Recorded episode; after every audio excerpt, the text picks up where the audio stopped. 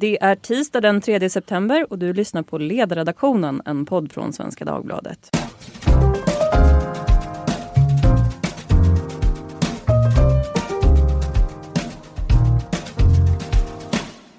Jag heter Lydia Wåhlsten och idag ska vi prata om Arbetsförmedlingen. Det pågår ju ett stort förändringsarbete på Arbetsförmedlingen som ett resultat av januariavtalet. Arbetsförmedlingen ska inte längre sköta jobbförmedlandet utan det ska privata aktörer göra. Och den 1 november då ska Arbetsförmedlingen lägga fram sin plan för den framtida verksamheten som istället ska fokusera på att utreda arbetssökandes behov, tillhandahålla så kallad digital infrastruktur och ordna regionala rekryteringsträffar. Men nu hörs kritiska röster från oväntat håll. Tidigare moderata ministrar som Hillevi Engström varnar för att förändringen går för fort. Och Expressens ledarsida, ja de säger att uppdraget både är för brett och att det helt enkelt är upplagt för kaos. Samtidigt så ser regeringsföreträdare det som ett slags sossespinn, att egentligen är det Arbetsförmedlingen själva som inte vill förändra sig. En annan kritik som har kommit då det är från företrädare från regeringen som SvD hade talat med igår. De beskrev det som en mardrömssituation eftersom att de två nyckelpersoner som ska driva igenom förändringen nämligen arbetsmarknadsminister Ylva Johansson och Arbetsförmedlingens generaldirektör Mikael Sjöberg båda är på väg bort från sina poster. Ja, vad är det för myndighet som håller på att växa fram? Och räcker det med 175 dagar för att förbereda den här reformen? Det ska vi prata om idag och det gör vi med Mikael Sjöberg själv, generaldirektör på Arbetsförmedlingen sedan 2014. Välkommen Mikael! Tack ska du ha! Med mig i studion har jag också Mikael Sandström, tidigare statssekreterare för Moderaterna och chefsekonom på TCO. Men idag verksam för Moderaterna i Stockholms stad som kanslichef. Välkommen till dig också Mikael. Tack så mycket. Nu har vi två Mikaelar så det kan bli lite rörigt. Därför är jag glad för att presentera vår tredje gäst, nämligen Günther Mårder. VD på Företagarna. Välkommen Günther. Stort tack. Jag tänkte att första frågan låter så här. Går reformeringen av Arbetsförmedlingen för fort? Ja eller nej? Vad säger eh, generaldirektören? Ja, det är en så komplex situation så jag får väl säga både ja och nej. Ja. Günther? Eh, givet förberedelserna som jag tycker har varit för dåliga så går den för fort just nu. Men jag hade önskat att givet det man redan visste från politiskt håll att man hade börjat förbereda sig från myndighetens sida i mycket hög utsträckning inför de förändringar som man visste skulle komma. Även om man inte visste detaljerna. Mm. Ja, nu tänkte jag att eftersom det är jag som är mest politiker så var det jag som skulle få säga ja och nej. Men just så här, det, var, det var ju så att alliansregeringen hade ju tillsatt en utredning för att titta över hur Arbetsförmedlingen fungerade. Och den valde eh, den nya regeringen då 2014 att eh, att stänga ner och istället så tillsatte man en ny utredning och på det sättet så har det naturligtvis tagit alldeles för lång tid. Men det sätt som man nu gör det på är ju bekymmersamt därför att eh, för att genomföra den reform som man nu genomför har man haft alldeles för kort tid. Mm. Mikael Sjöberg, jag tänkte att du ska få utveckla där. Du säger att det både går för fort och för långsamt. Vad är det för delar som går för fort? Man kan ju säga att vi, vi är i en situation där styrningen av oss är okoordinerad. Vi styrs av en statsbudget som, som är ganska dramatisk för oss. Och sen har vi ett januariavtal som vi, vi eh, ska följa och där vi tar sikte på. Och de här är inte koordinerade. Och samtidigt som de här två sakerna inträffar så har vi en kraftig teknologiutveckling i form av digitalisering som också påverkar oss väldigt, väldigt mycket. Och det gör att frågan är väldigt komplex och det är klart att det är ingen optimal situation att göra den här stora förändringen som vi just nu har. Samtidigt jobbar vi inne i myndigheten otroligt intensivt för att kunna leverera det som regeringen har efterfrågat. Och det kommer vi att klara. Och därför blir det, ja det är en, det är en okoordinerad styrning av oss på grund av omständigheterna. Men det som så att säga åligger oss, det kommer vi att kunna leverera. Mm. Jag tänkte eh, prata lite grann om Martin Ådahl, Centerpartiets arbetsmarknadspolitiska talesperson. Han beskrivs ju som arkitekten bakom den här privatiseringen som ska ske. Och igår så sa han så här i SvD. Det är väldigt mycket som är problematiskt med ledarskapet. Och han har också gästat våran podd här i mars och då så sa han att Arbetsförmedlingen präglas av bysantinska ordningar och myndigheten har motarbetat den här reformen. Vad säger du till Martin Ådahl? Jag säger egentligen inget speciellt just till Martin Ådahl men däremot är det ju så att vi på Arbetsförmedlingen och jag som generaldirektör har från egentligen dag ett med januariavtalet gjort bedömningen att det är ett avtal som kommer att genomföras och därför ställde vi om verksamheten från dag ett med sikte på att kunna leverera mot januariavtalet trots att vi har då väldigt stora frågor som kommer från statsbudgeten. Så att jag tycker att det där blir en, en, en märklig beskrivning. Och vi har som sagt internt varit otroligt tydliga på att januariavtalet är ett regeringsunderlag och det kommer att verkställas och det finns inga andra så att säga, styrsignaler inom myndigheten. Mm. Men det här med bysantinska ordningar då? Jag vet att du själv har pratat om att kulturen på Arbetsförmedlingen är lite speciell. Ja, men Arbetsförmedlingen är ju en av Sveriges största arbetsgivare. Det finns inte många, vare sig privata eller offentliga företag som är större än vad vi är. Och det gör att alla förändringar tar tid. Och vi är dessutom en, en, en myndighet. Vi befinner oss mitt i den politiska hetluften. Nästan allt vi gör finns det kritiker till. Så när vi, oavsett om vi gör arbetsmarknadspolitik, om vi gör en intern organisation eller om vi styr och leder så uppstår en politisk och publik diskussion om det. Det skapar givetvis en speciell situation. Under de senaste åren har vi dock förbättrat styrning och ledning och kultur med stormsteg. Det, och det är inte bara jag som säger det, kan man gå in och titta på utvärderingar.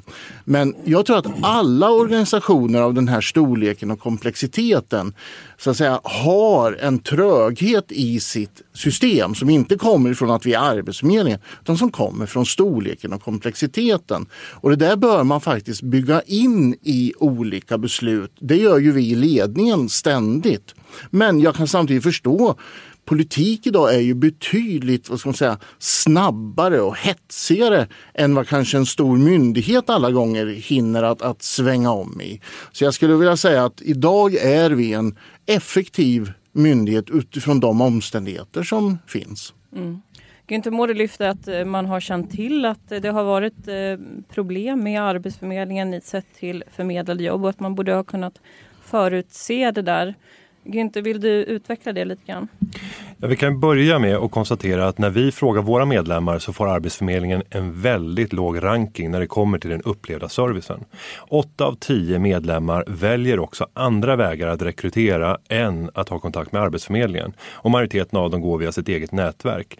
Det här är ju en stor förlust för Sverige när vi har plöjt ner så mycket pengar i denna gigantiska myndighet. Jag är uppriktigt eh, glad över den relation som Mikael Sjöberg och vi har haft från företagarnas sida. Vi har gjort flera projekt projekt som har varit framgångsrika.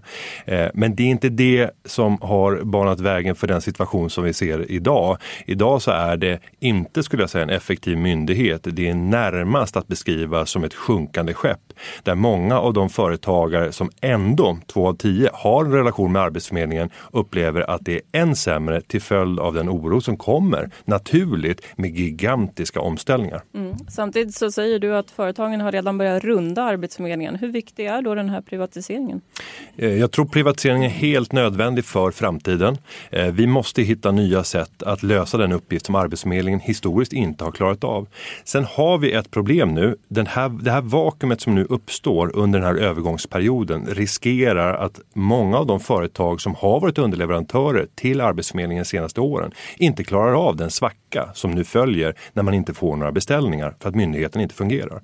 Så att vi kan komma ut i ett läge där vi, vi befinner oss i en lågkonjunktur lågkonjunktur. Vi har inte en fungerande inköpsavdelning och vi har inte leverantörer som skulle kunna svara upp när väl eh, förfrågningarna kommer från myndigheten om att handla upp stöd och matchningstjänster. Mm. Och det är en bra brygga till Mikael Sandström för du var ju faktiskt här då i mars och pratade med Martin Ådahl och då lyfte du det här behovet av att ha samsyn i regeringen när vi, konjunkturen viker och det eh, ska genomdriva stora reformer. Och nu har det kommit mycket kritik mot att olika lokalkontor hos Arbetsförmedlingen ska läggas ner. Är du nöjd med hur regeringen har hållit ihop det här? Nej, det är jag inte.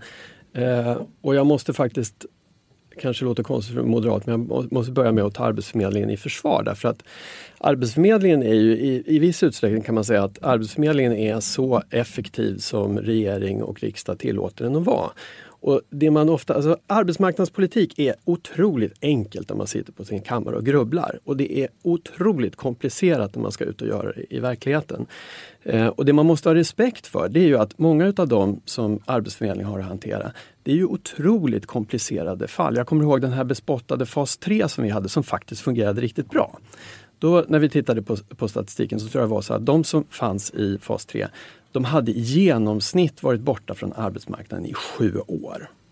Nästan alla hade psykiatriska diagnoser, bristande svenska kunskaper eh, och dålig utbildning. Och det är ju det man måste förstå att det är en otroligt stor andel utav Arbetsförmedlingens eh, verksamhet att hantera den, den typen utav människor som är väldigt, väldigt svåra att få in på arbetsmarknaden.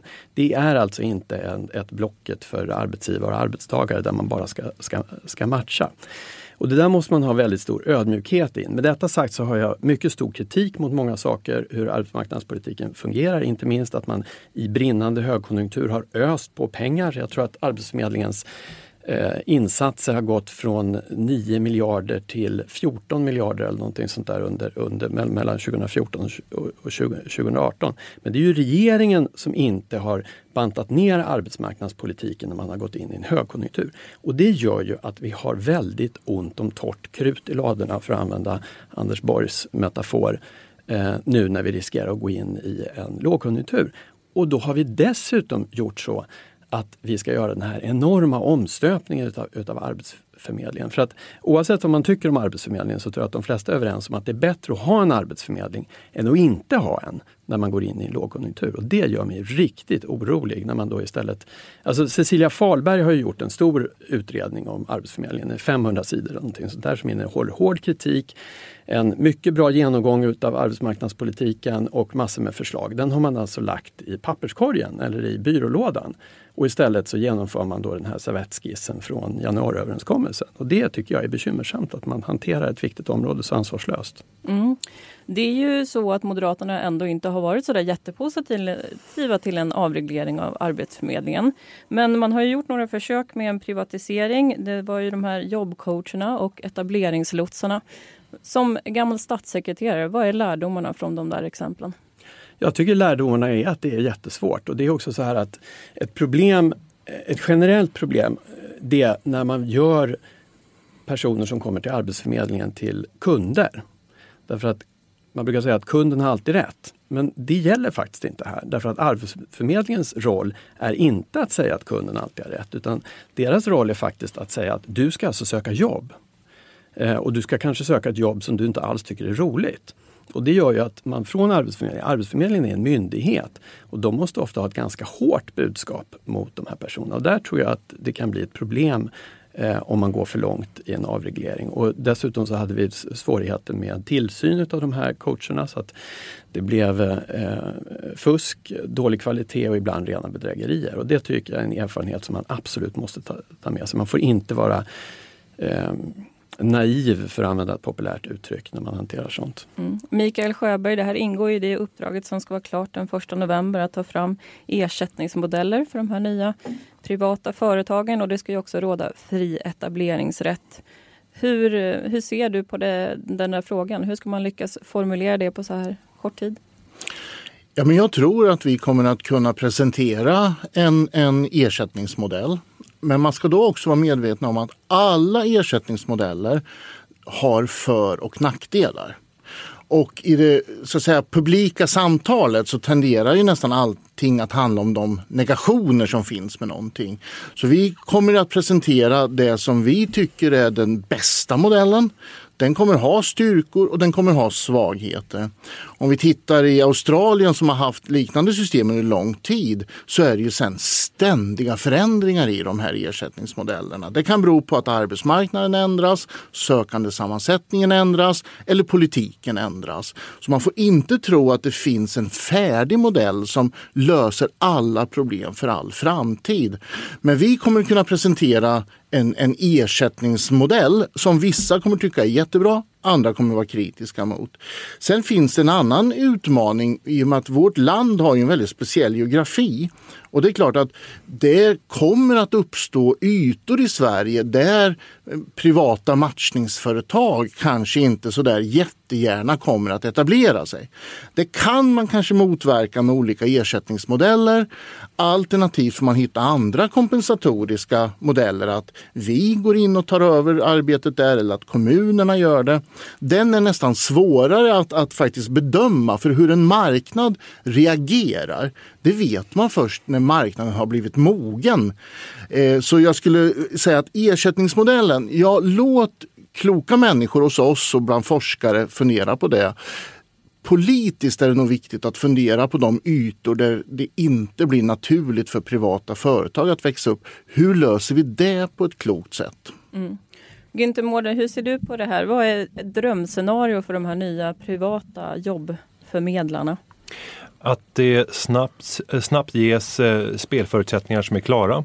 Eh, där det finns ersättningsmodeller som inte begränsar nya aktörer från att ta sig in på marknaden. Det har diskuterats rätt mycket i den här reformen om att ersättningen ska komma retroaktivt.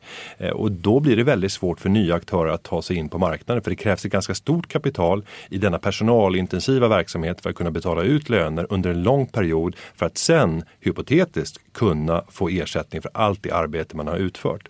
Sen lyfter Mikael ett mycket viktigt problem. Eh, de geografiska skillnaderna idag är enorma.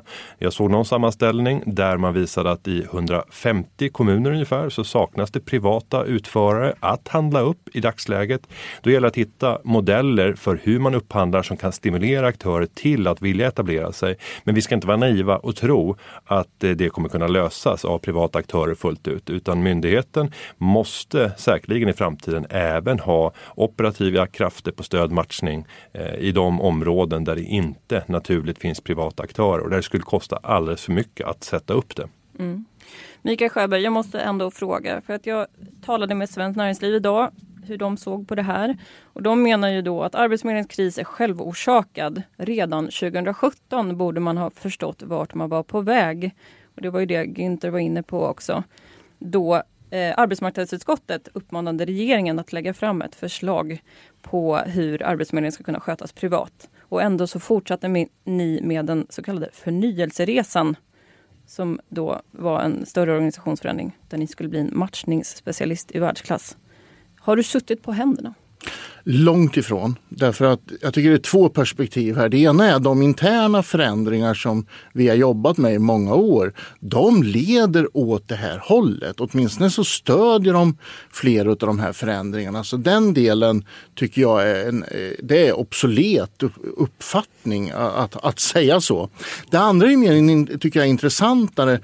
Vilka signaler ska man styra om en myndighet som 2017 var mitt uppe i att hantera den, den stora asylinvandring som vi då hade fått. Eh, som dessutom hade en regering som vi lyder under som hade tillsatt en utredning som vi hörde alldeles nyss här fick en hel del beröm. Sen kommer ett utskottsinitiativ. Man måste hålla huvudet lite kallt så här i backspegeln så kommer det finnas må många människor som vet exakt hur man skulle ha gjort 2017 eller 2014. När du sitter med besluten där, särskilt 2017 när vi hade kanske den mest påfrestande situationen i hela landet kring de som nyss hade kommit. Att då så att säga ha tagit styrning på det eh, utskottsinitiativet, det tror jag inte finns någon som hade gjort. Men det är väldigt viktigt att påpeka att vi har icke styrt och inte utvecklats på ett sätt som gör det svårare nu. Jag skulle vilja säga så här att Förnyelseresan är det som gör det möjligt att genomföra januariavtalet. Hade vi inte gjort det, då hade jag svarat nej på din första fråga. Så även om vi inte såg det här, vi såg inte heller det tidsperspektiv vi nu talar om och absolut inte den statsbudget som dessutom råder. Men hade vi inte gjort de förändringarna, då hade jag varit tvungen att svara nej på din första fråga om det här hade varit möjligt. Mm. När januariavtalet blev klart, Kände du att du var rätt man för att leda det här arbetet? Ja, det går inte riktigt till så utan det är ju framförallt ens uppdragsgivare som måste göra den bedömningen. Men självklart hade jag känt att ja, men det, här, det här är helt fel från, från, för mig. Så att säga. Då hade jag ju sagt det till, till, till ministern. Eh, den självinsikten måste man ju ha. Så min bedömning är givetvis att, att jag eh, hade den förmågan som behövs för att leda det hela. Men ytterst måste regeringen göra den bedömningen. Mm. Mikael Sandström? Jo, för att fortsätta mitt försvar av Arbetsförmedlingen. Det är så att man lägger, tycker jag, ofta en alldeles för stor börda på Arbetsförmedlingen. Det är alltså inte Arbetsförmedlingen som ska lösa problem med, arbets, eh, med arbetslöshet och eh, utanförskap. Det krävs strukturpolitik, det krävs bättre företagspolitik, det krävs skattesänkningar så att det lönar sig mer att jobba och, och reformer av transfereringssystem Eh, och massor med, massor med andra reformer. Arbetsförmedlingen ska ju inte vara ett syfte, naturligtvis ska den göra människor mer anställningsbara genom utbildningsinsatser och sådana här saker. Men den kan inte bära bördan utav alla de strukturförändringar som måste genomföras i hela ekonomin. Den ska vara ett konjunkturverktyg och den ska vara ett smörjmedel för att människor lättare ska komma in på Arbetsförmedlingen. Så att i, i debatten så låter det som att det här är på något sätt central, central eh, elementet i att eh, eh lösa problemen med utanförskapet och det kommer det inte att vara utan det måste göras på många, många andra sätt. Mm. Om man eh, ställer de här mot varandra då, Günther. Eh, det finns för få enkla jobb och det finns många arbetslösa människor som saknar eh, utbildning. Eh, fokuserar vi för mycket på Arbetsförmedlingen och för lite på dina käpphästar kring RUT och ROT och annat? Jag ser vi till vilka som skapar jobben så skapar småföretag fyra av fem nya jobb i ekonomin. Vi kan också se att i majoriteten av Sveriges kommuner så är småföretagen de största arbetsgivarna. Samtidigt så är inte eh, småföretagen speciellt benägna att använda Arbetsförmedlingens tjänster oavsett om de är upphandlade av privata aktörer eller, eh, eller om man utför det själv som arbetsförmedling. Och där måste det till en förändring. Man måste få ett så högt förtroende för en framtida arbetsmarknadsmyndighet eh, och deras leverantörer så att man faktiskt börja benyttjas av deras tjänster. För Sveriges företagare behöver det. Vi behöver få en ännu bättre matchning och ännu bättre kompetensförsörjning. Det är vårt största tillväxthinder just nu. Mm. Vi kommer tyvärr bli tvungna att eh, runda av. Men jag har en sista fråga till er. Och det är en spekulativ fråga kring hur ni tror att debatten kommer att se ut nästa år. Jag vet att Mikael Sjöberg, du har pratat om att det kan bli en big bang. Det låter dramatiskt. Vad är det du ser framför dig i debatten nästa år? Eftermälet. Ja, jag tror, vi har ju just det här året en, en fortsatt diskussion om också den löpande verksamheten. Det eh, finns ju alltid en risk att människor glömmer bort våra, våra omständigheter. Det är precis som Günther sa att just idag så har vi nog flera arbetsgivare som upplever att stödet är svagare. Den tror jag har lugnat ner sig nästa år. Marknaden har satt sig eh, så att säga. Utan då, jag tror vi kommer att ha mycket diskussion om enskilda delar ersättningsmodell, etableringssystem. Alltså det kommer att bli många diskussioner om, om delar av den här reformen under nästa år. Mm. Günther? Eh, jag är mer pessimistisk än vår finansminister när det gäller den svenska ekonomiska utvecklingen. Jag tror att vi kommer befinna oss i väsentligt sämre tider. Arbetsmarknaden kommer då se helt annorlunda ut. Kompetensbristen kommer inte vara det som är på alla företagares läppar. Och det kommer att förvrida debatten helt och hållet. Jag tror samtidigt att Arbetsförmedlingen kommer att lida av en enorm kompetensbrist till följd av att de mest kompetenta krafterna idag, de drar medan de kan. Och kvar blir de som har svårare att ta sig vidare in i andra andra typer av arbeten. Så risken är att vi har en arbetsförmedling som saknar några av de starkaste kompetenser som tidigare har funnits ändå hos myndigheten. Mm. Brain drain på Arbetsförmedlingen i kombination med lågkonjunktur. Mikael Sandström, nu får du avsluta podden för idag. Jag tror som Günther att risken är stor att, man kommer att, att vi kommer gå in i en, i en lågkonjunktur och då kommer debatten att förvändas. Då kommer regeringen att kunna skylla på den här reformen istället för att ta ansvaret för att man har slösat bort eh, fyra år och inte genomfört de strukturreformer som man borde ha genomfört. Jag tror också att vi kommer, oavsett hur det går, att få en debatt om oseriösa aktörer som kommer att komma in på den här marknaden därför att man går alldeles för snabbt fram och inte sätter upp kontrollsystem. Mm.